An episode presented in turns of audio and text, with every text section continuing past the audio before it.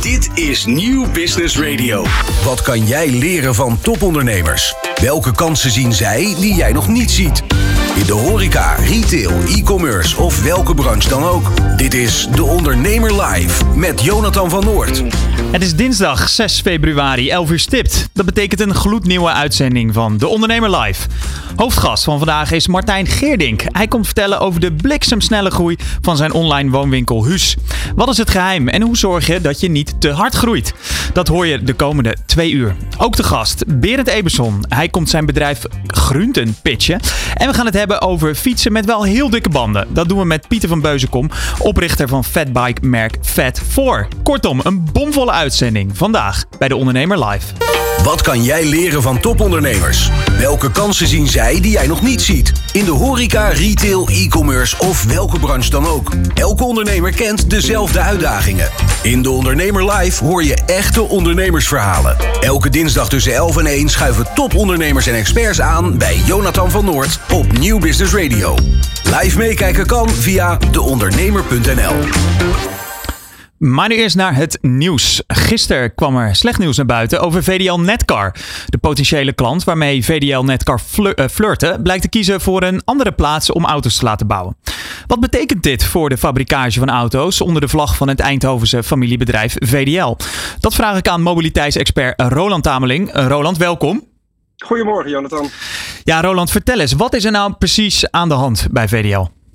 Heel simpel. Het is allemaal begonnen met uh, het opzeggen van het contract door BMW. Uh, dat een contract had met VDL Netcar om daar minis en modellen van BMW te bouwen in Born in Limburg. Uh, zij hebben, uh, nou ja, zogezegd hun, uh, zichzelf teruggetrokken om ergens anders die auto's te laten maken. Onder andere in, in China. En ja, je ziet dat BMW nu weg is en dat VDL er niet in geslaagd is om een nieuwe partij aan te haken om autoproductie te gaan doen in Limburg. Ja, want we hebben het dus over. Ja, voor mijn idee is dat de, de, enige autofabrikant die we nog hebben hè, in Nederland. die echt, echt flinke volumes maakt. Ja, die inderdaad volumemodellen uh, uh, fabriceert wel. Vergeet natuurlijk niet de kleinere partijen, zoals Donkervoort. Die hebben we ook nog. Maar VDL is inderdaad wel een, ja, eigenlijk de laatste grote autofabriek die we hebben in Nederland. En Um, als je het mij vraagt, ik loop misschien een beetje vooruit op de muziek, maar uh, zou het zomaar eens echt het einde kunnen zijn van de klassieke manier van auto's bouwen die we, die we gewend zijn in Nederland? Ja, dan neem je alvast een, een voorloopje op dit gesprek. Maar nog heel even terug op uh, het nieuws wat, wat dus gisteren naar buiten kwam. Wie is die klant die dus nee heeft gezegd tegen het aanbod van VDL? Ja, dat is uh, de Gordon Murray Automotive Group. Dat is een, uh, je kunt hem kennen als de illustre ontwerper van de McLaren F1. een van de, ja, de, de meest iconische auto's uit de jaren 90. Een sportwagen is dat, hè? Zeker, zeker, absoluut. Met een V12. En nou ja, dat is allemaal heel lekker uh, nerden. Maar die beste man heeft zichzelf opnieuw uitgevonden. Is nu uh, nog steeds uh, sportwagens aan het maken met verbrandingsmotoren. Maar wil zijn bedrijf gaan ombouwen naar een fabrikant van elektrische auto's. Zoals bijna alle fabrikanten dat aan het doen zijn. En dat doet hij onder andere uh, met hulp van uh, Saoedische investeerders. Um, uh, met met geld uit Abu Dhabi onder andere ook. En um, wat je ziet, dat, wat dan intern het project L60 genoemd werd. Um, dat is een project voor elektrische SUV's. Die zouden mogelijk in Limburg gebouwd gaan worden. Maar Gordon Murray en zijn kornuiten hebben dus gekozen voor een andere locatie. En dat zie je wel vaker gebeuren in de geschiedenis bij, bij VDL Netcar natuurlijk. Dat er heel veel gesprekken zijn uh, uh, over mogelijke productie in Limburg. En dat dan uiteindelijk de partij uh, die mogelijk in de race was om in Nederland te gaan laten bouwen, dat die toch kiest voor een andere locatie. Maar Roland, een Brit met Saoedisch geld achter zich. Zit er geen ja, bekendere partij? ja, heeft, heeft hij dan echt geen interesse in, in VDL? Ja, nou, uh, dat, dat zou je hopen natuurlijk. Maar wat je ziet is dat er twee internationale, op, zeg maar internationaal vlak, twee stromingen aan de hand zijn. Enerzijds komt China natuurlijk ontzettend op. Dat is op dit moment de grootste autobouwende natie van de wereld. En uh, zij kiezen voor, uh, in heel veel gevallen voor lokale productie. Dus uh, productie in China. En je ziet dat de merken die met de Chinezen samenwerken daar nu ook voor kiezen. Uh, BMW gaat dat onder andere doen. Uh, Mercedes is al voor een groot deel productie, nou ja, voor een groot deel, voor een deel productie naar China aan het verplaatsen. Dus dat is een heel belangrijke trend die je ziet, dat de productie daar naartoe gaat. Want er is een enorme investeringskracht uh, in China. er worden nieuwe fabrieken van miljarden euro's uit de grond gestampt. Waarin nou ja, bijvoorbeeld Lotus, hè, onderdeel van het grote bedrijf dat ook Volvo en Polestar onder zijn vleugels heeft. Geely heeft daar een immense fabriek neergezet. En die gaan dus niet in, ja, in het klassieke Engeland auto's bouwen. Nou, dat zie je over de hele breedte.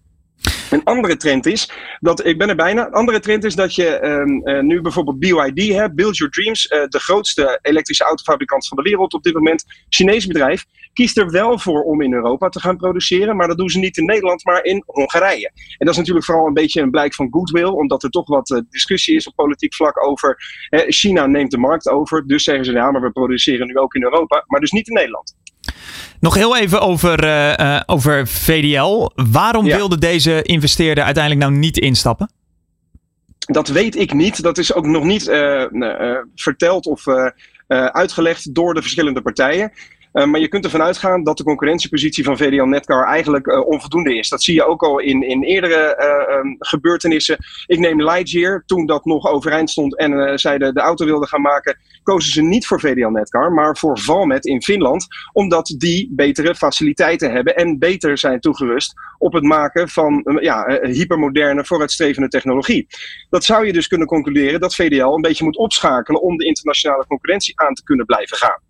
Uh, dat is één ding dat, uh, dat werkt. En ja, geldstromen, uh, die hebben we niet helemaal inzichtelijk. Maar je kunt ervan uitgaan dat er diverse investeerders ook wel belangen hebben die buiten Nederland liggen. En dat zorgt natuurlijk ook voor dat, dat VDL aan het kortste eind trekt. En is VDL misschien ook niet gewoon te klein? Zeker, dat, dat werkt ook absoluut mee. Maar ja, Valmet is ook een hele kleine speler. Dat is geen immens bedrijf dat duizenden auto's per dag fabriceert. Dus dat is een, ja, dat zou ondergeschikt kunnen, kunnen zijn. Want kwaliteit is ook wat waard. Hè? Zeker in een wereld waar heel veel nieuwe merken hun kop opsteken.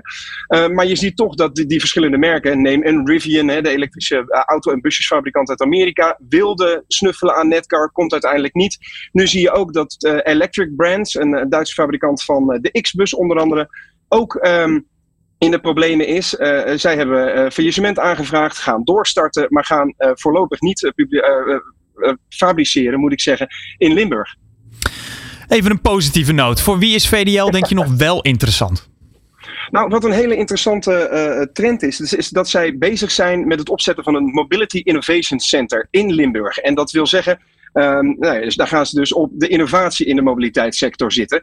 En die trend uh, raad ik aan om absoluut te omarmen. Want um, ze, VDL Netcar claimt zelf ook dat daar diverse uh, honderden banen uh, mee worden gecreëerd. Maar wat je ook ziet, is dat er ehm, behoefte is in de markt aan een partij die um, op deze manier vooraanstaande technologie niet alleen kan ontwikkelen, maar daarna ook snel kan implementeren in seriemodellen. En waar moet ik dan aan denken, Roland? Bij die technologie? Nou, bijvoorbeeld de, de zonnecellen van Lightyear. Hè? dat is echt dat, dat is gepatenteerde technologie die in principe klaar is om in auto's verwerkt te worden. Je ziet nu ook dat Lightyear onlangs heeft aangekondigd, hè, ze gaan geen auto's meer maken, maar zijn nu uh, toeleverancier voor onder andere een grote Koreaanse, Zuid-Koreaanse partij. En um, wat, uh, wat, wat je daar nu ziet gebeuren is als wij die technologie en die ontwikkelingskracht naar Limburg kunnen, kunnen halen, dat dan een levensader voor VDL Netcar zou kunnen uh, overblijven. Maar ja, ik durf hem wel aan. Ik vrees dat er geen uh, nieuwe massamodellen uit Limburg gaan komen als het zo doorgaat. Ja, want even daarop inhakend, Roland. Kijk, ik juich het natuurlijk alleen maar toe. Hè? Familiebedrijf, wij zijn van de ondernemer. Dan willen we dat natuurlijk niet op de fles laten gaan. Maar ja, er zijn al zoveel partijen geweest waarmee geflirt is. En de hele tijd klapt het. waarom dan wel opeens met deze innovatietechnologie, denk je? Nou, omdat dat een onderscheidend vermogen kan zijn ten opzichte van de concurrentie, die dus heel erg op die bulk zit. Hè? Op het, uh, laat, ja, even plat gezegd, het uitpersen van nieuwe auto's. Ja, als dat niet de kracht is uh, van je bedrijf, uh, en ik ben helemaal met je eens, het is een heel mooi bedrijf. Het is ook best een mooie fabriek in, in, in, in Born. Um, maar um, er zijn zoveel meer mooie fabrieken. En die veel groter, veel moderner, veel uh, ja, hypersonischer zijn bijna dan VDL. Dus dan zou ik zeggen, heel logisch redenerend, ga je op die, nou ja, ga inderdaad op de muziek vooruitlopen, technisch gezien. Dus ga je focussen op innovatie en zorg dat je daarmee ook eventueel op langere termijn weer een relevante speler wordt. Waardoor er wellicht weer duizenden mensen aan het werk kunnen gaan. En daar hebben we allemaal natuurlijk baat bij. En dan maak ik het misschien wel heel groot, maar als een soort de ASML van de, van de autowereld. En dan ook in het zuiden des lands.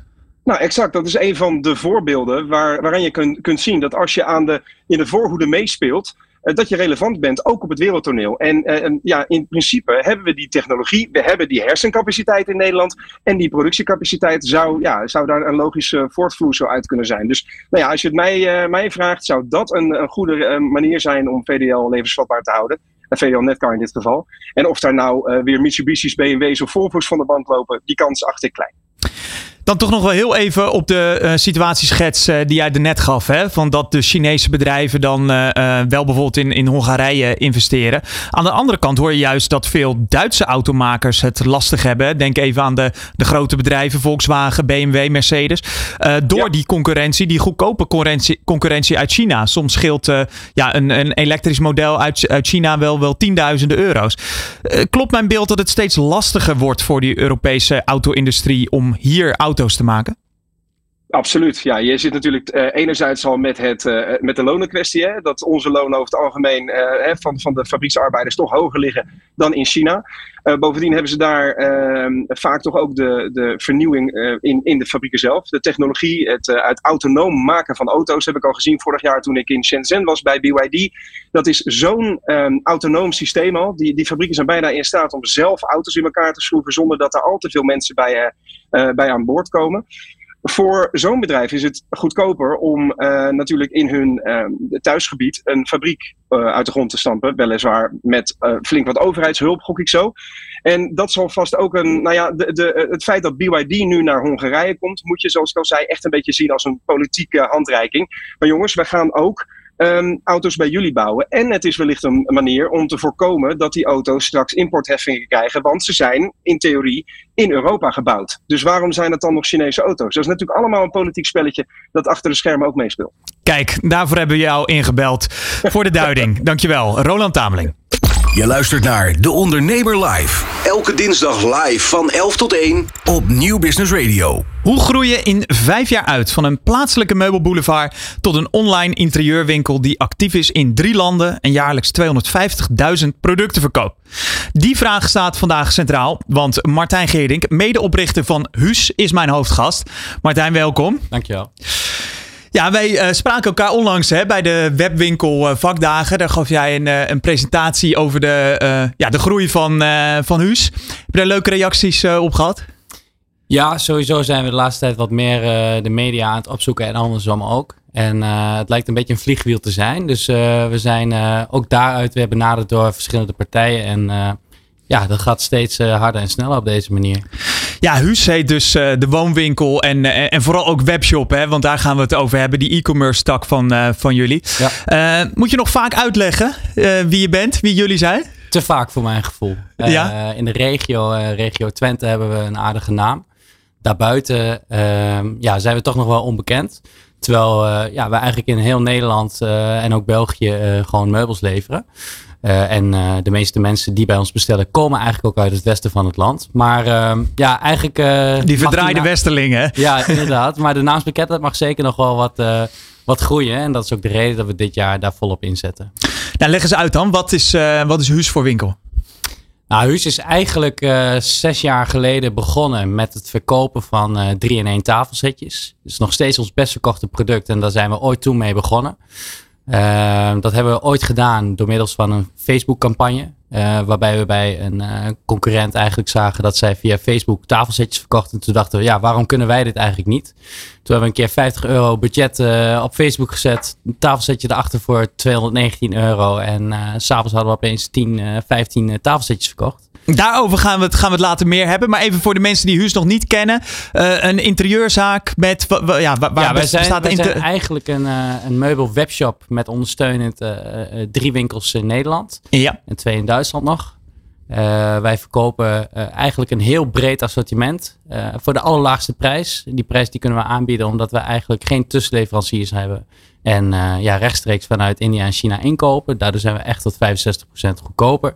Um, maar dan? in onze winkel, dan onze concurrenten eigenlijk, met exact dezelfde meubels. Dus, um, uh, en in onze winkel kan je eigenlijk ook alles op maat krijgen. Hè? Banken op maat in duizenden stoffen, kleuren en, en, en zitcomforts.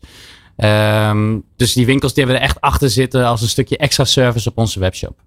Dus meer als een soort ja, etalage eigenlijk. Om een beetje rond te snuffelen. En dan wordt het voornamelijk online gekocht. ja, allebei wel. We horen heel vaak van we hebben jullie online voorbij zien komen. We willen toch even zitten, even proeven, sfeerproeven, advies vragen. En dan kopen ze of in de winkel of ze komen daarna weer terug online. En dan ben ik toch benieuwd, gewoon puur uit interesse, zijn er ook mensen die complete zithoeken gewoon alleen online uh, kopen uh, zonder... Uh... Ja, ik vind het echt bizar, maar elke dag zie ik hele interieurs voorbij komen. En ja, die wereld is echt zo snel veranderd dat mensen gewoon een bank online kopen. En natuurlijk kan je ze wel eerst in de winkel bekijken, maar ik, heb, ik weet ook zeker dat heel veel mensen het gewoon op de gok doen. Maar goed, we krijgen weinig retouren, dus blijkbaar bevalt het ze wel goed. Kijk, dat is, uh, dat is altijd uh, een positief gegeven. En wat is dat voor markt, die, die, die woonwereldmarkt? Ja, die markt is, is best wel conservatief. Tenminste, helemaal toen we erin stapten. Uh, dat betekent dat er weinig aan marketing werd gedaan, weinig aan online werd gedaan. met corona is dat wel echt in een stroomversnelling gegaan. Heel veel kleine paddenstoeltjes die de grond uit zijn gestampt die allemaal een uh, graadje mee wouden pikken. Uh, en nu denk ik dat die markt aardig verdeeld is tussen wat grotere partijen, wat minder grote partijen. en dat het ook lastig is om daar nu nog tussen te komen als je geen onderscheidend concept hebt. Omdat het zo op die prijs zit, in ieder geval bij een deel van de markt denk ik ook. En wil je die prijs kunnen leveren, ja, dan moet je toch wel de contact hebben. Ja, inderdaad. Niet alleen dat, maar uh, ja, je kan overal op, bijna op elke hoek van de straat wel uh, een bank kopen tegenwoordig. Uh, ja, als je daar nog eens terug wil komen, dan moet je echt iets heel onderscheidends hebben om, om daar ook echt goede omzetten mee vandaan te halen. Dan even op de persoon Martijn Geerdink. Want jij was, uh, in ieder geval dat heb ik uh, van de webwinkel vakdagen, eigenlijk betrokken hè, als, als social media hulp, marketeer bij Huus. Uh, toen zag jij kansen en toen ben je ingestapt. Leg dat eens uit. Ja, klopt. Ik, ik studeerde nog en toen had ik eigenlijk een Facebook marketingbedrijfje waarbij ik eh, voor de kleine ondernemer de Facebook bijhield. En zo ben ik ook in de eigen, met de eigenaar van de woonwinkel in contact gekomen om de Facebookpagina eigenlijk bij te houden.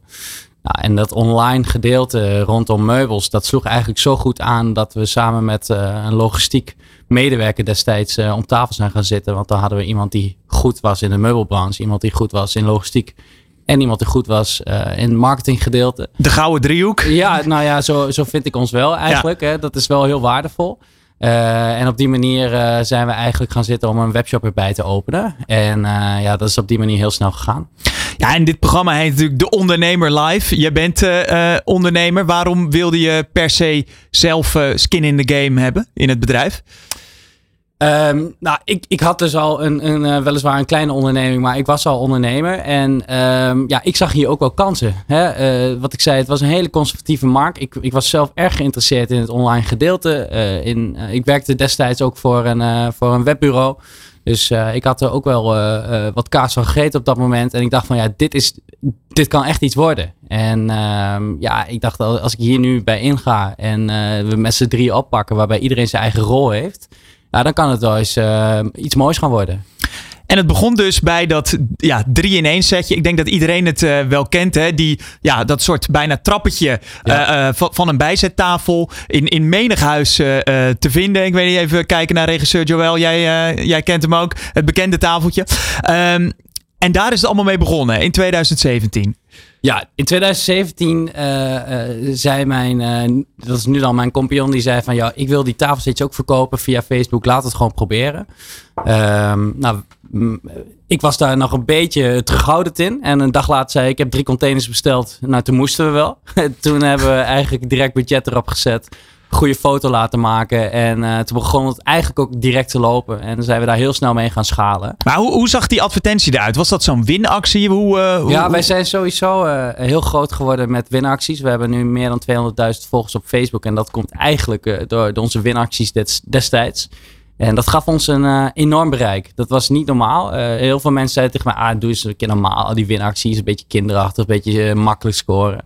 Maar voor ons werkte dat enorm goed. We hadden ja, miljoenen mensen die het bericht zagen. En ons record was 1,1 miljoen reacties op één bericht. Nou, daar kan ik nu... Wat was dat bericht? Ja, dat, nou, dat, dat, kan je bijna niet voorstellen. Er was een outlet tafeltje. Er was ook geen 3 in 1 tafel. was een outlet tafeltje die ik buiten op, uh, op een straat had gemaakt. Een heel simpel fotootje met uh, getal onder de 10. wie wiraat die, die maakt kans om te winnen. Dat was het enige wat we er neerzetten. En die ging helemaal viraal. En toen kon dat nog op Facebook. Toen zat het algoritme nog iets losser in elkaar dan nu.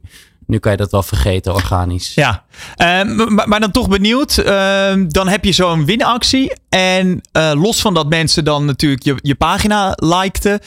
Ehm, werd er ook wel echt wat verkocht. Dus mensen gingen toch even rondsnuffelen en dachten, nou, ik wacht die winactie wel, uh, wel af. Ik koop gewoon sowieso wat. Ja, de kracht destijds zat er echt in dat je een, uh, want, hè, want we gingen daarna uitbreiden met andere producten dan alleen maar het tafelsetje. De kracht zat er echt in. We zetten dat product op Facebook. We zetten er een super strakke prijs bij. We geven er één weg aan, aan het eind van de week. En tussendoor werd dat, uh, ja, de tafel of de bank werd gewoon uh, aan de lopende band verkocht. Het was echt een hele bijzondere ervaring om mee te maken. En zat je toen onder de inkoopprijs of had je er gewoon nog wel marge op? nee, nee, we zaten niet onder de inkoopprijs. Um, maar um, ja, het, ging, het was vernieuwend. Hè? De, de manier van marketing voeren was vernieuwend. Maar het type meubels, het industriële, waar, waar, wat nu eigenlijk heel langzamerhand wat uit begint te raken. Dat was toen echt booming en uh, ja, volle bak gas geven daarmee. Ja, eh, kan je toch nog even schetsen, hoe was Facebook toen anders dan nu? Niet te vergelijken. Uh, toen kreeg je heel makkelijk nieuwe likes op je pagina. Toen was elk bericht dat je plaatste, wat een beetje uh, uh, aandacht kreeg, ging gelijk viraal. Um, en ja, dat scheelde ons zo ontzettend veel geld qua inkoop. Hè? Dus we hoefden helemaal geen advertenties in te kopen. We kregen alles organisch. Ja, en in de loop van de jaren is Facebook daar steeds strenger op geworden. Uh, hebben ondertussen natuurlijk wel nieuwe kanalen aangeboord. Uh, maar zagen wij toch een hele grote uh, bak aan gratis websitebezoekers weggaan. Eh, waardoor we dat moesten opvullen met advertenties eigenlijk. En over welke advertenties heb je het dan? Nou, wij adverteren momenteel performance-based. dus waarbij je een euro erin stopt en een x aantal euro eruit wil. Op Facebook, Instagram, dus Meta, op Pinterest, Google. en we doen ook wat affiliate programma's. En uh, daarboven zijn we dus nu bezig met de hele branding campagne, uh, offline campagne, uh, partnerships, sponsoring, et cetera, om nieuwe mensen te bereiken. Maar dat tafeltje waar het dus eigenlijk allemaal mee begon, dat is nog steeds een, een hardloper tot op de dag van ja, vandaag. Ja, ik, ik vraag me af waar mensen het dan wel laten. Ik heb het gevoel dat ze het in de woonkamer, in de keuken en in de badkamer hebben staan. Maar het is nog steeds de best verkochte, het best verkochte meubel van ons. Ja ik geloof ook weer niet dat het alleen maar goed ging dan uh, met, met, met die Facebook advertenties. Heb je ook wel eens een, uh, een misser gehad? Um, nou, vooral de laatste tijd hebben we heel veel last van spamaccounts. Dat is ook de reden dat we nu nauwelijks meer een, een winactie doen. dat zijn volgens mij mensen uit andere continenten die, die onze volgers benaderen en zeggen dat ze hebben gewonnen. En dan moeten ze hun creditcardgegevens inleveren. En ehm, ja, het zou een uitzending van Kees van de Spek kunnen zijn, denk ja, ik. Ja, Um, vroeger, uh, ja, je hebt toch wel een soort Facebook-politie, die hadden wij ook. Uh, waarbij um, ja, de spreekwoordelijke huismoeder wel even goed ging controleren of de winnaar wel degelijk aan alle voorwaarden had voldaan. Dus er was iemand die had bijvoorbeeld wel geliked, maar het niet gedeeld.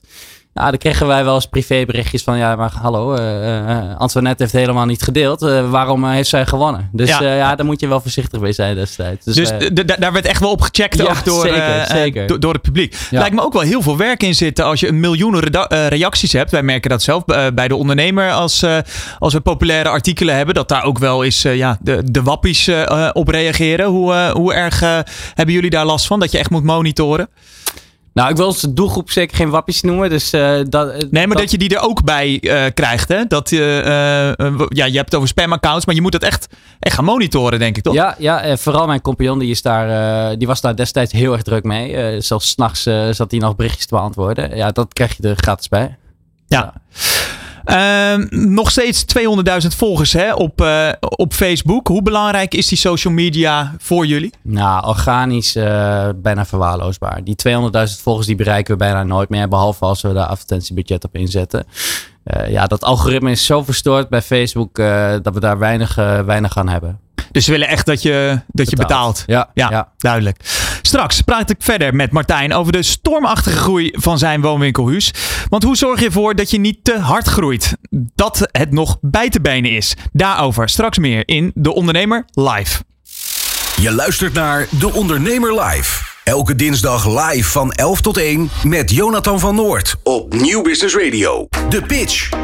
Ben jij degene met een briljant idee? En ben je op zoek naar funding of een investeerder? Dit is De Ondernemer Pitch. Maak jouw plan wereldkundig binnen één minuut. Ja, dan nu de Pitch, de wekelijkse rubriek waarin ondernemers met een hemelbestormend idee hun bedrijf kunnen pitchen op zoek naar funding. En wie weet hengelen ze hier in de studio die financier wel binnen. Er is alleen één regel, de pitch duurt één minuut. Bij ons aangeschoven is Berend Elbers. Hij heeft een groen en smaakvol idee. Ja, Berend, de floor is yours. De pitch. Ben jij degene met een briljant idee? En ben je op zoek naar funding of een investeerder? Dit is De Ondernemer Pitch. Maak jouw plan wereldkundig binnen één minuut. Hi, mijn naam is Berend Eberson. Ik ben de founder van Groente. En het is mijn missie om zoveel mogelijk mensen te verleiden tot het eten van meer groente op andere eetmomenten dan de usual suspects. En dat is eigenlijk een beetje begonnen op mijn zeventiende. Toen uh, had ik uh, vrij veel overgewicht, categorie obesitas en ik had zoiets, roer moet om. Dus gaan focussen op mijn eigen voeding, gezondheidswetenschappen gaan studeren. En toen ik klaar was, had ik zoiets van, oké, dit wil ik ook voor andere mensen uh, nou ja, gaan creëren. Um, ik maakte een ontbijtproduct, Veggie Oats genaamd, waarmee je meteen bij je ontbijt al 25% van je aanbevolen dagelijkse hoeveelheid aan groente binnenkrijgt. Maar het smaakt naar taartsoorten. Ik heb een carrot cake, een banana pecan en een apple pie. En toen dat helemaal stond, zijn we verder gegaan met veggie cakes. Dat is een kruidkoek, bananenbrood en een brownie, ook op basis van groenten. Um, dat inmiddels wordt verkocht bij de Appie, groothandels en cateraars. Um, dus nou, we hebben flink momentum te pakken en uh, kunnen enorm schalen. Um, dus daarom uh, ben ik nu uh, op zoek naar investering. Kijk, en volgens mij zijn we keurig binnen de tijd. Ja, wel, daar is het belletje. Super. Um, ja, Berend uh, Eberson van Grunte. Yes. Uh, ja, het is, het is kijkradio. Hè? Dus ja, voor de, voor de mensen die, die via YouTube uh, kijken. Uh, ik zie veggie oats en... Ehm, ja, en dus, cakes. En de? Cakes. En de cakes. Um, vertel eens, je bent erop gekomen omdat je zelf last had van overgewicht. En dacht, dit moet beter en vooral ook makkelijker. Ja, ja, eigenlijk wel. Ik maakte dit al voor mezelf toen ik nog gezondheidswetenschappen studeerde. Ik had zoiets van, ja, weet je, je kan overal wel ergens groenten in verwerken. Dus wat ik deed was eigenlijk, nou ja, ik maakte mijn groente appeltaart ontbijtje. Dat nam ik in van die jampotglazen en nam ik dat mee naar de studiebanken. En toen was ik klaar. Toen dacht ik, ja, dat is best een leuk idee. Um, toen ging mijn vader het eten. En na een tijdje ging mijn broertje het ook eten. En die eet als het even kan drie keer per dag kapsalon. Dus toen dacht ik, oké, okay, als hij dit een leuk idee vindt, dan zit hier misschien echt wel wat in. En dat is, nou ja, een beetje het soort van uh, de voorloper van de veggie oats geworden.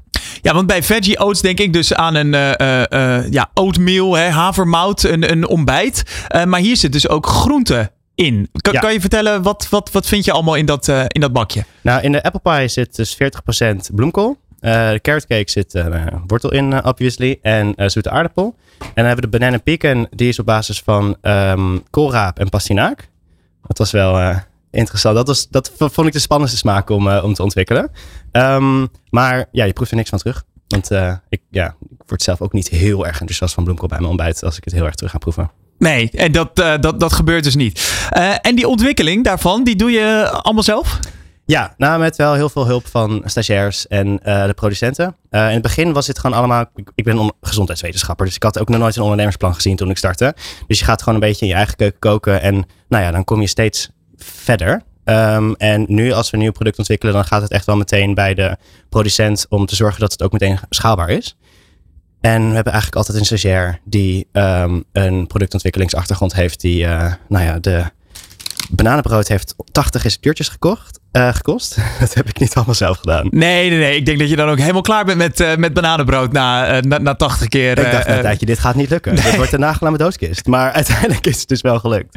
Hey, volgens mij is dit een, een vrij competitieve markt. Want ook in de pitch hebben we al best wel, nou best wel, dat, dat zeg ik verkeerd. Maar we hebben wel eens meer mensen gehad die het land gezonder willen laten eten. Ja. klopt dat beeld? ja. Um, Kijk, wat ik heel erg probeer te doen is uh, gezond, makkelijk en lekker. Dat zijn de drie dingen die we doen. En ik weet dat ook gewoon heel erg vanuit mijn eigen achtergrond. Je kan iets gezonds neerzetten, maar als het niet heel erg makkelijk is en het is eigenlijk niet echt heel erg lekker, dan ga je dat gewoon niet voor de lange termijn volhouden. Um, en wat ik met mijn producten echt probeer te doen is uh, meeting the people where they're at. Um, dus als je bij de Albert Heijn to go staat, je staat op het station te wachten en je wil gewoon iets lekkers, maar wat ook voedzaam uh, en nou ja, makkelijk mee te nemen is dat is precies wat ik, wat ik ben gaan doen. Um, en ja, dat zie je volgens mij nog niet zoveel terug in andersoortige producten. Ja, meer, meer heb ik het idee uh, bij de avondmaaltijden. Dus dat, dat daar bijvoorbeeld uh, gezondere alternatieven zijn voor een magnetronmaaltijd. dat is precies de reden dat ik me daar niet op focus. Ik wil net zeggen, dat, dat, dat is denk ik een bewuste keuze dat jij eigenlijk de dag wil beginnen met een... Ja. Kijk, we eten meer dan driekwart van Nederland eet te weinig groenten. Um, en dat komt omdat we het eigenlijk altijd alleen maar s'avonds eten. Um, en nou ja, er willen ze nog wel eens een blaadje slapenbroodje of een soepje tussendoor komen. Maar niemand heeft het ooit over het ontbijt. Zelfs in de richtlijnen van het voedingscentrum staat dat er niet bij. Want ja, weet je, wie gaat dat nou doen? Um, dus ik had dus iets van, ja, hier ligt gewoon 100% groentewinst. Uh, dus daarom ben ik me daar primair op gaan focussen. En toen met de, nou ja, de, snackmomenten. We snacken, we eten gemiddeld 6,7 keer per dag uh, uit, uit, mijn hoofd. Wat natuurlijk een heel raar getal is. Ja, daar zit ook gewoon, als je elke, bij elke hap een klein beetje groente binnenkrijgt, ja, dan kom je makkelijk aan die 250 gram. Op wie richt je je met uh, groenten? We richten ons met name in marketing op uh, Stephanie. Dat ja. is uh, de randstedelijke 28 jaar oude marketingmedewerker die elke dag in de trein zit en vindt het allemaal wel moet wel gezond, maar het moet voornamelijk ook makkelijk en lekker zijn. Je kent het. Ja. Um, en als ze dan in de trein zit en ze heeft gisteren een uh, wijntje gedaan met, uh, met de Dinnies, dan is dit toch makkelijker dan zelf er een ontbijtje meenemen. Kijk, dat is een heel eikpersoon uh, voor, voor groenten. Dat hoor ik. Ja, ja, we hebben verschillende persona's. Want het is ook wel grappig. Want we hebben een webshop um, waar we eigenlijk een beetje mee gestart zijn. En dan toen zag ik dat een belangrijk deel van de doelgroep, tenminste de mensen die het kopen, dat is ook Stephanie, maar ook de moeder van Stephanie. Want er zitten toevallig ook best wel weinig calorieën in. En die zei ze net even aan de lijn. Aha. Ja, het is een mooie bijvangst. Ik wil net zeggen, ja. Um, waar zijn jullie allemaal verkrijgbaar? Want ik hoorde net een, uh, een webshop. Uh, ja, dat is, uh, daar zijn we een beetje mee begonnen. Want ja. ja. je gaat je marketingverhaal vertellen, dan moet het wel verkrijgbaar zijn. Maar de oats die zijn verkrijgbaar bij de Albert Heijn en Albert Heijn To Go. Um, en de cakes die liggen met name in food service. Um, dus dat zijn, nou, die zijn B2B door, bij groothandels uh, te krijgen. En die liggen bij een aantal cateraars. Wel leuk, ze liggen nu bij de VU bijvoorbeeld. En daar heb ik zelf gestudeerd. Dus het voelde een beetje soort van, ah, circus rond. Ik wil net zeggen, bij bedrijfskantines en zo kan ik me voorstellen dat je dan uh, een, een healthy snack uh, neemt. Ja, en ook ziekenhuizen is belangrijke. En hogescholen. Ja, daar zit primair de doelgroep. Albert Heijn, grote speler. Hoe ben je daar terechtgekomen? Want dat is niet makkelijk. Nee, nee, daar. Um, zeker in het begin. Weet je, de eerste keer dat ik met Albert Heijn sprak is echt al jaren geleden. Maar toen was het ook, ja, het is een heel leuk verhaal. En we, we gunnen je de wereld, maar dit gaat hem gewoon niet worden. Er werd wel ook gewoon echt opgenomen. Het was niet, uh, kom over twee jaar maar terug. Je nou, toen dus wel. Maar toen, had ik, ja, toen was ik net gestart en ik wist ook niet, weet, hoe gaat die supply chain? Hoe schaal je? Hoe zorg je dat je houdbaarheid allemaal geregeld is? En um, na het anderhalf jaar een beetje soort van, nou ja, uh, nog een beetje in de spiederijfase gezeten te hebben, had ik zoiets van: oké, nu moeten we de volgende stap gaan maken. En toen ook een producent gevonden die mega groot kan schalen. Als nu Albert Heijn en Jumbo zeggen: we willen het in alle winkels, dan uh, moet ik even een belletje geven en zorgen dat we voldoende winkels in huis hebben. Maar dan kunnen ze gewoon in één keer die productie opschroeven. En dat is van A tot Z, van planning, supply chain tot nou ja, facturaties, allemaal daaronder gebracht. Zodat het ook gewoon, nou ja, door het dak kan eigenlijk. Maar begrijp ik goed dat Albert Heijn enthousiast was, maar alleen twijfels had of je volume aankomt? Dat was 3,5 jaar geleden. Ja. Um, en we zijn anderhalf jaar geleden zijn we gestart bij Albert Heijn To Go. Dat is, nou ja, goed. In mijn ondernemingsplan stond dat al van dit is waar het moet komen te liggen. Ja. Um, en daar een beetje een soort van proof of concept gedraaid. En toen vanuit Albert Heijn To Go in contact gekomen met de category manager van Albert Heijn. Want dat zijn eigenlijk twee verschillende entiteiten. Mm -hmm. um, en we hadden een kennismakingsgesprek. En um, nou, ik was gewoon een beetje aan het vertellen. Dit is wat ik doe. En dit is hoe jouw schap eruit ziet. En ik denk dat dit misschien wel je slechtste product is en dit je best roterende product. En nou ja, en toen was zij echt, dit is top, dit wil ik over zes weken in het schap hebben. Gaat het lukken? uh, ja, dat is top, dat kan wel. Um, dus het is ook gewoon lang genoeg volhouden en heel veel proberen te leren. D dat laatste moet je uitleggen. Um, nou, uh, in het begin zat ik heel erg van, ik wil mijn product pushen en dit is mijn belang. Maar um, ja, wat ik eigenlijk heel erg heb geleerd is, als je een salesgesprek met iemand hebt, het, het primaire is, wat kan ik voor jou doen? Wat dragen mijn product, wat dragen mijn producten bij aan de KPI's die jij hebt uh, ja. in hogerhand? Welk probleem los je op uh, Exact, ja. ja. Um, en nou ja, dat, uh, zo liggen we dus bij Albert Heijn. En jij loste bij Albert Heijn op dat zij denk ik meer in het ontbijtvak met, met met gezondheid wilde doen. Want daar uh, zit toch, toch, veel ook yoghurtjes met, met hoog suikergehalte. Ja, en, nou, exact. Ja, dat, is, dat, dat was primair hoe ik gestart ben. Maar tegelijkertijd is het ook plantaardig. Heeft het een Nutri-score A en heeft het een relatief langere houdbaarheid. Ehm, dus eigenlijk alle KPI's die zij op de lijstje had, die konden wel redelijk worden afgetikt. Um, ja, dus je moet eigenlijk een beetje een soort van no-brainer voor iemand creëren. Het is wel grappig als je, want dat zijn natuurlijk hele andere KPI's die dan belangrijk zijn voor Stephanie. Daar moet het gewoon makkelijk en lekker zijn. Het moet er ook een beetje sexy uitzien. Ja, ja, ja. Uh, hoe groot is uh, Groente nu als we het hebben over uh, verkoopaantallen eh, en, en, en personeel? Um, we werken heel veel met externe. Ik heb niet een heel groot team om me heen. Ja. Um, ik heb iemand op finance en ik heb net iemand op sales erbij aangenomen. Um, maar de reden ook dat we nu investeringen aan het ophalen zijn, is om dat team gewoon nog wat verder op te schalen. We hebben een marketing agency waar we mee samenwerken. Alle supply chain en nou, productie, is, dat is allemaal uitbesteed. Dus het is een beetje een flexibele schil rond het bedrijf heen. Mm -hmm. Eigenlijk als je, het lijkt alsof ik een food startup heb. Maar als je plat slaat, zijn we een marketing sales organisatie die een productontwikkeling doen. En als we het dan over verkoop hebben, hoeveel veggie oats gaan er over de plank of heb je al verkocht? Uh, Oeh, dat is een goede vraag. Dan moet ik eigenlijk even. Dat is, dat is het fijne van iemand op de finance hebben. Dat is de, die vraag stel ik dan altijd aan hem. Ik ben meer een soort van de creative die wil zorgen dat we zoveel mogelijk van die producten geschoven krijgen. Um, maar er zit een stijgende lijn in, uh, ja, neem er, ik aan. Er zit een leuke stijgende Zeker sinds Albert Heijn erbij kwam, was het. Oh, ja, dat is wel netjes. Ja, uh, maar je zit hier om, om geld op te halen. Hoeveel? Uh, we zijn nu bezig met een sharefunding campagne. Um, ook omdat ik uh, het veel leuker vind om met een community te groeien. Zo ja. ben ik het gestart en dat zijn we nu uh, weer aan het doen eigenlijk. Ja. Um, Bij welk platform? iVester. Um, en daar heb ik een coöperatie voor opgericht, de Groenteboerencoöperatie, om mensen dus mede groenteboer te laten worden. met totaal van 150.000 euro, wat we nu uh, via die weg willen ophalen. Ik hoor het vaker hè, dat uh, ondernemers sharefunding willen gebruiken om dat communitygevoel uh, te versterken. Mm -hmm. uh, ik ben er toch altijd wel benieuwd, hoe ga je dat precies aanpakken? nou, ik heb het al een keer eerder gedaan. Dus ja. we hebben al een community van groenteboeren, zeg maar. Um, over een maand komen we met z'n allen bij elkaar om een, nou, een diner te hebben. Om nou, ook gewoon, ik het, het, is heel fijn. Er zitten heel veel mensen achter die erin geloven. Dus er kan heel veel input uitkomen van dingen waar ik nog niet over na heb gedacht. Uh, TikTok-ideeën, andere markten, um, andere productontwikkeling. Dus hebben we in september hadden we een, een, een brainstorm sessie. Een van de mensen in die community is ja. toevallig brainstorm expert. Dus die had dat ook allemaal geregeld. Um, en het is dan heel leuk om te zien wat voor een energie daarin zit. Dat ik echt, ik had even zo'n besef momentje van, wow, deze mensen staan hier allemaal omdat ik een idee ooit had. Dat is echt mega vet. Ja, en, die, en ze zijn dus onwijs betrokken aandeelhouders. Ja, ja, niet allemaal. Dat kan je natuurlijk ook niet van iedereen verwachten. Kijk, je kan instappen vanaf 250 euro. Dus um, voor heel veel, heel veel, mensen is dat gewoon, nou, hier alsjeblieft, ik, ik support dit. En het lijkt me leuk als ik daar um, nou, gewoon een leuke return on investment op krijg. Maar mensen, er zijn ook grotere tickets die je kan doen. En daar zitten een aantal mensen uh, tussen die echt heel erg betrokken zijn. Ook een appgroepje waar als er, nou ja, als uh, dit live komt, stuur ik dat erin, jongens. Hier ben ik geweest. En zij delen dat dan ook weer op hun LinkedIn. En zo probeer je ook echt een beetje samen dat community building te doen. Uh, je zei het al, het bedrag, die 150.000 euro, uh, wil je gaan gebruiken voor het uitbreiden van een team. Is dat ja. alles of uh, ga je het nog ergens anders voor gebruiken? Nou ja, sales en marketing. Dus het is ook gewoon marketingbudget. Um, ja, dus we zijn nu veel organisch gegroeid en we doen dus ook nou ja, samenwerkingen. Um, maar als je echt de volgende stap wil zetten, dan heb je gewoon echt wat meer inkoop van media nodig. En als we de volgende stap concreet maken, wat zeg jij dan?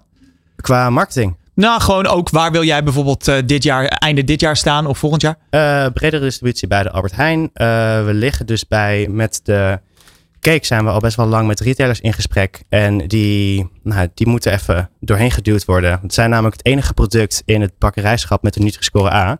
Dus dat ligt al een tijdje in de pijplijn en dat moet nog even een duwtje krijgen. Um, ja, daar ligt ook in food service. Ik bedoel, we, we, liggen nu bij ziekenhuizen en bij, bij, bij hogescholen en bij verschillende cateraars. Maar daar, dat kan nog echt keer 15 gaan. Ja, de, de, de markt is bijzonder groot, uh, denk ik hiervoor. Zeker, ja. Uh, nog één keer, waar kunnen we uh, instappen om te investeren? Bij iVester. Um, als je naar ons, als je naar www.groente.com gaat, dan kan je daar ook doorklikken. Maar als je op iVester en groente googelt, dan is het als het goed is de eerste hit. Mag ik je hartelijk danken, Berend Eberson van Groente. Je luistert naar De Ondernemer Live. Elke dinsdag live van 11 tot 1 op Nieuw Business Radio. Ja, we praten nog steeds met Martijn Geerdink, oprichter van een woonwebshop Huus. Hoe zijn bedrijf uitgroeide van lokale meubelboulevard tot internationale woonwinkel. Ja, die vraag staat uh, vandaag centraal. Uh, Martijn, vlak uh, nadat jullie begonnen zijn, hè, zo rond 2017, 2018, kwam corona. Ja, dat klopt. Hoe heb je dat overleefd? Want dat was nogal een, uh, een gekkenhuis uh, voor een hoop bedrijven. In positieve en negatieve zin. Ja, nou, uh, persoonlijk uh, door een vaccinatie te nemen. En zakelijk ehm, hebben we dat eigenlijk wel goed overleefd.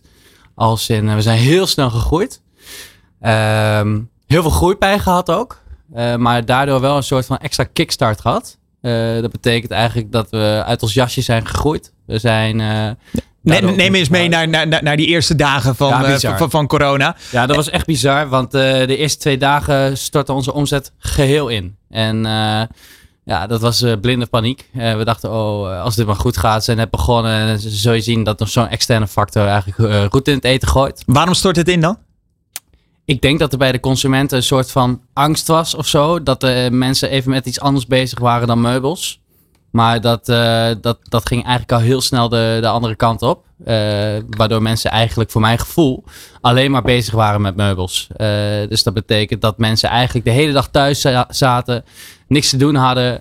geld op de potten vaak? Ja, geld was er zeker. En ze waren die bank waar ze de hele dag op zaten, helemaal zat. En um, ja, het ging echt door het dak heen. Het ging niet keer twee, niet keer drie, maar echt keer vier, keer vijf van wat we gewend waren. En als startende ondernemer uh, had dat een behoorlijke impact op ons. Ja, uh, mijn vraag is dan ook van hoe stel je daarop in? Want je ziet het gebeuren. Uh, ja, hoe, hoe hou je dan de controle in zo'n situatie? Ja, dat is niet te doen. Dat is, daar kan je niet op instellen, kan je ook niet op voorbereiden. Het enige waar wij als bedrijf nog steeds goed in zijn, is ad hoc goede dingen beslissen. Of nou, laat ik zeggen, dingen beslissen. Hè, want soms zijn er ook geen goede dingen. Ehm, we hebben uh, zo snel mogelijk naar nieuwe magazijnen gezocht. We hadden op een gegeven moment in Hengelo zes magazijnen. Uh, om al onze spullen maar kwijt te kunnen en alle bestellingen uh, te kunnen verwerken. maar we zaten met een behoorlijk probleem tijdens coronatijd, want de bestellingen gingen door het dak heen. Um, de helft van ons personeel zat zelfs ziek thuis. Uh, iedereen die thuis zat, de consument, die nam net iets uh, uh, sneller de telefoon om te vragen hoe het met hun bestelling zat. Ja, want er was natuurlijk niks te doen, dus dan, dan zat je er bovenop. Ze dachten, laten we Huus ook even bellen hoe het met mijn bestelling staat. En wij moesten zeggen, ja, uw bestelling staat vast in India, want daar is ook corona. Dus het werd een enorm stuw meer aan, aan, aan openstaande orders eigenlijk. Um, en dat zorgde voor best wel wat werkdruk. Dat zorgde voor best wel uh, veel nieuwe collega's die je moest inwerken, die nog niet in het begin de kwaliteit hadden om alles goed te doen. Uh, waar, dus, waar werkten die collega's dan bijvoorbeeld? Uh, nou ja, de klantenservice, maar ook chauffeurs, logistiek medewerkers. Maar ja, als jij niet ingewerkt bent, kun je soms niet de juiste antwoorden geven. En het juiste antwoord was vaak ook van ja, jouw meubel staat nog in India, want het kan niet vervoerd worden, omdat daar ook corona is. Dus op een gegeven moment hebben we gezegd, laten we alle advertenties gewoon uitdoen. Heel extreem. en zelfs dat hielp niet. Zelfs toen kwamen de orders gewoon binnenstromen. Dus dat was een hele leerzame periode. Maar daar hebben we wel heel veel groeipijn van gehad. Welke les heb je daar vooral uitgetrokken? De belangrijkste les is denk ik dat uh, ja, je, je moet het sowieso laten overkomen. Hè. Je, je kan daar toch niks aan doen. Maar wat ik daarna geleerd heb, is dat we eigenlijk, als je wil schalen, dat je de voorwaarden goed moet hebben staan. Dus goede systemen, um, goede processen, goed personeel. Dat hebben we nu ook echt super op orde. Um, als die voorwaarden goed zijn, dan kan je schalen. Maar schalen zoals destijds ging, ja, dat, dat, dat kan bijna niet uh, lang goed gaan. Nog even over die uh, levertijd. Is dat lastig om dat uh, ja, strak te hebben? Ja, dat is zeker lastig. Dat is ook een van de grote uitdagingen die we hebben dit jaar. om die leeftijden echt te laten verkorten op onze bestsellers. Um, eigenlijk zijn de meeste producten die we hebben, zijn gewoon op voorraad. Maar dat zijn leveranciersproducten. Dus dat zijn onze partners die uh, hun meubels bij ons stallen. Uh, maar de meubels die wij zelf inkopen, ja, die hebben vaak een leeftijd. En hoe komt dat? Elke keer als de leeftijd verminderd wordt, neemt de conversie op je webshop toe. Dus dan moet je dan weer extra op inkopen. En ja, als jij ze op voorraad wil hebben, dan moet je dus een aantal keer dat proces door. Dat je meer moet inkopen dan dat je verkoopt. Um, ja, en dat is best wel een rekensom om ervoor te zorgen dat je niet te veel meubels op voorraad hebt. Eh, waardoor eigenlijk het geld daar vast zit. Je wil mhm. daar een soort uh, ja, sweet spot in vinden. Ja. Um, nou, en dit jaar gaat dat gebeuren. Dus dit jaar kunnen we onze goedkoopste meubels eigenlijk ook nog uh, uit voorraad leveren. in ieder geval met de korte leeftijd. Maar ik zat dan even te kijken, ook bij comments en reviews en zo. Dan is het of onwijs positief, of het is van ja, die levertijd. Ja. dat lijkt me ook iets lastigs, omdat je er zelf ja, misschien niet al te veel invloed op hebt. Nee, maar dat maakt de consument natuurlijk niet uit en terecht. Uh, wel gezegd hebben dat wij uh, gemiddeld met alle reviewplatformen uh, meer dan 8,3 scoren. Uh, maar inderdaad, ehm, leeftijd is, is het ding bij ons. En ja, als wij en de goedkoopste zijn en straks ook nog die leeftijden goed op orde hebben, ja, dan, dan zie ik daar nogmaals een goede slag die we kunnen slaan. Ja, als je het over e-commerce hebt, dan komt eigenlijk altijd ook wel het woord retouren in één adem voorbij. Ja. is dat voor jullie een hoofdpijn dossier? Niet zozeer. Uh, waarom niet? Omdat wij uh, onze meubels uh, die retour komen, het percentage is sowieso laag. we hebben een retourpercentage van ongeveer 2,5%. en de omruilingen zijn ook ongeveer 2, 2,5%. Wat betekent dat in totaal 5% van onze meubels retour komen. Even voor mijn beeld. Bij bijvoorbeeld kleding is dat vele malen hoger. Is dat mhm. überhaupt ook een stuk lager bij de meubelbranche? of valt dat mee? Ja, tussen de 5 en 8% is in de meubelbranche wel, wel normaal. Uh, maar de meubels die wij retour krijgen, die verkopen wij eigenlijk in een van onze outlets. Die we in Nederland, maar ook in Duitsland hebben. Ja. Dus uh, zo dragen we ook nog bij aan een circulair proces. Uh, en zorgen er eigenlijk voor dat wij ja, geen kosten maken aan onze retouren. Ja, want is dat eigenlijk gewoon het, het makkelijkste? Dat je daar niet, ja, dat je die, die niet weer helemaal gaat herverpakken en, en, en alles checken, maar eigenlijk gewoon onze kracht, is, uh, onze kracht is dozen schuiven. Um, en dat, dat, dit is veel te arbeidsintensief wat jij voorstelt. we hebben er uiteraard over nagedacht. Maar om, uh, ja, weet je, de meubels worden ook vaak um, als een nou niet een bouwpakket, maar de, de, de poten moeten vaak nog onder de tafel worden gemonteerd. Dus dan zou je dat weer moeten loshalen. Aparte verpakkingen, ja, dat is een, een heel arbeidsintensief proces. Dus we hebben gewoon gezegd, al die meubels gaan naar de outlet. En voor uh, de doelgroep die graag uh, goedkoop en op voorraad uh, meubels wil hebben, ja, die kan naar onze outlet. Want ook daar is vaak niks mis mee. Ja, we hadden het er net al eventjes over. Hè? Over dat, dat, dat heel snel groeien. En misschien zelfs ook een beetje ongecontroleerd. Omdat ja, uh, je, je zet de marketing uit, maar toch uh, stijgen, die, uh, stijgen die orders. Wat zijn voor jou de signalen geweest dat je door had van... oeh, nu groeien we misschien wel te snel? Nou, die signalen die waren vrij duidelijk. Die waren um, rond corona. Die kon je makkelijk van Trustpilot afhalen, die signalen. Um, of het aantal belletjes dat we binnenkregen. Kijk, weet je, we groeiden destijds gewoon veel te hard. En uh, daar konden we eigenlijk niet zo heel veel aan doen. Het was eigenlijk bijna overmacht, zoals je die periode kon noemen.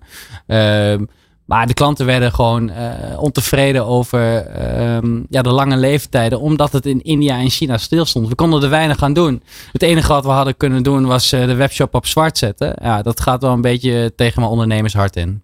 Ja, dat kan ik me voorstellen als je dat, als je dat doet.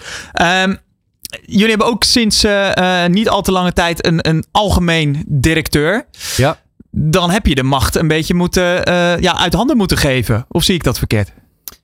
Um, nou, uh, ik ben wel heel blij eigenlijk dat we dat kunnen doen. Uh, mijn compagnons en ik zijn echt ondernemers. Uh, hebben veel goede ideeën. En uh, die kunnen we eigenlijk het beste tot werking laten brengen. Als wij eigenlijk een algemeen directeur hebben die de dagelijkse gang van zaken op zich neemt.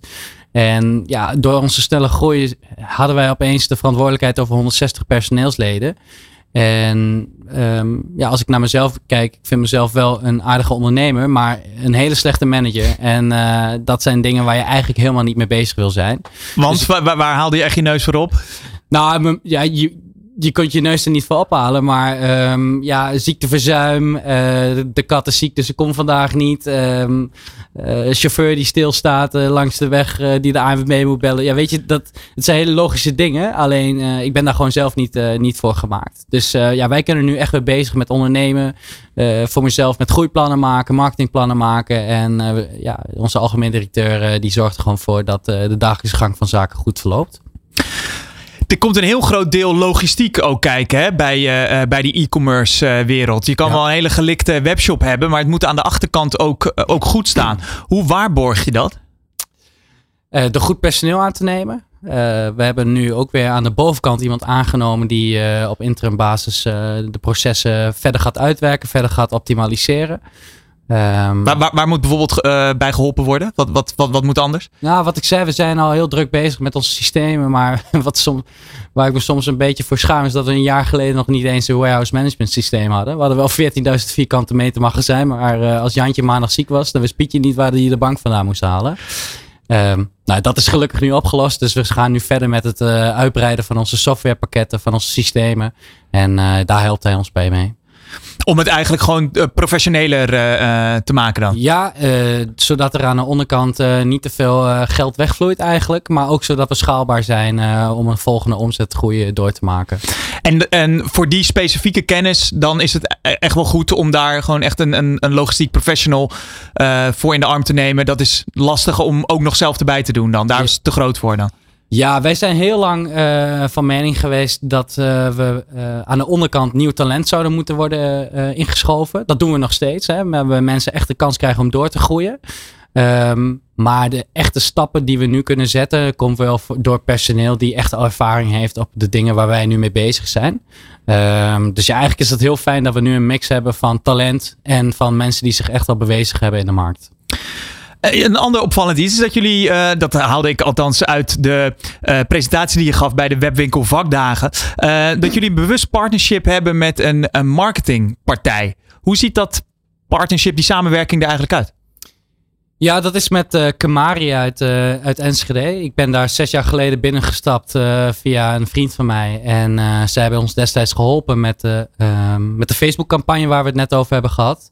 En uh, het is heel leuk om te zien dat zij eigenlijk gelijktijdig met ons zijn meegegroeid. En uh, ja, ik zie het ook niet echt als wij betalen en zij leveren. We zijn echt partners. Uh, ik kan hun dag en nacht bellen.